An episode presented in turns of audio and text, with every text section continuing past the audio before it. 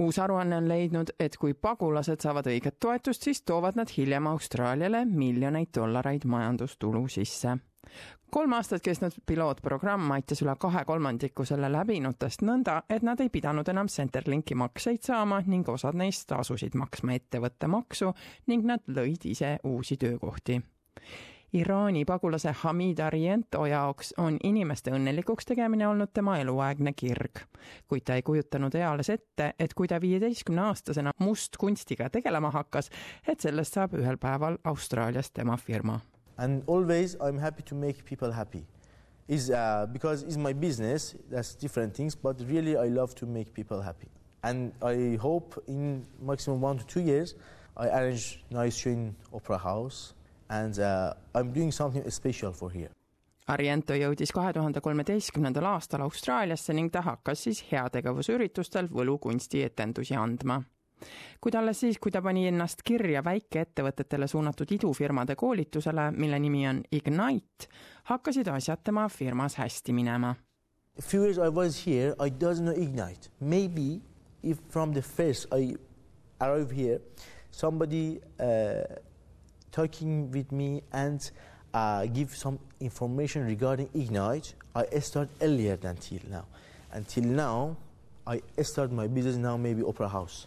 this is my uh, actually my suggestion to the people find ignite if they want to do some business but ignite doing helping you to for, open your own business i think kolme aasta jooksul viis seda pilootprogrammi läbi rahvusvaheline ümberasustamise teenistus ehk Settlement Services International.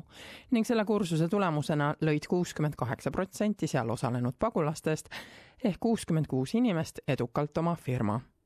Selle tulemusena ei toetu enamik ettevõtjatest pagulasi enam Centerlinki abirahadele ning osad neist maksavad ise nüüd ettevõtte maksu ning on loonud uusi töökohti sotsiaalökonoomia professor Jock Collins Sydney Tehnikaülikooli ärikoolist on selle programmi majandusliku mõju-uuringu autor.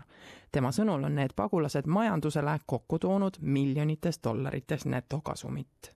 We asked our refugee entrepreneurs, have you moved off Centrelink? uh, and uh, uh, the majority of them had uh, moved off Centrelink. And we worked out, we calculated this saved about uh, four, four and a half million dollars uh, over three years. The program itself cost half a million dollars over three years. Uh, so you can see that uh, it, it's a program that actually generates savings. rahvusvahelise ümberasustamise teenistuse tegevjuhile Violet Rumeliotisele tuli see kuuekümne kaheksa protsendiline eduprotsent meeldiva üllatusena. That number made my heart sing when I saw it because that's extraordinary. We're talking about people who've been in the country for, you know, less than 12 months, some of them, but certainly, you know, the great majority have been here for less than three years. And what we're saying is they didn't come on skilled migrant visas, they came under protection visas. And very quickly, they were able to stand on their feet and contribute back economically. So it, it is an extraordinary thing because it also flies in the face of the stereotype that we hear sometimes, that negative narrative in media, that uh, they're a drain on the economy for a very long time. And um, I think that this proves that you can't uh, pigeonhole people. uuring näitas ka, et riiki vast saabunud naissoost pagulased on ettevõtluse suhtes sama kirglikult meelestatud kui mehed. One of our first entrepreneurs, she'd only been in the country six weeks when she started up her business. Uh, she could not speak a word of English. She didn't have money to buy leather. She was the leather maker. Dean, our enterprise facilitator, supported her, uh, went and, you know, to spotlight other places and got offcuts. and she just started making her bags and selling them at the markets. Since then, so three years, she speaks English really well. She's got a really successful online business. nüüd laiendatakse sedasama programmi eesmärgiga aidata puuetega inimestel oma ärisid luua. professor Collins ütleb, et nende mudel on äratanud teiste riikide valitsustes huvi. We have a very strong interest uh, nationally in Australia from politicians of both sides of the fence.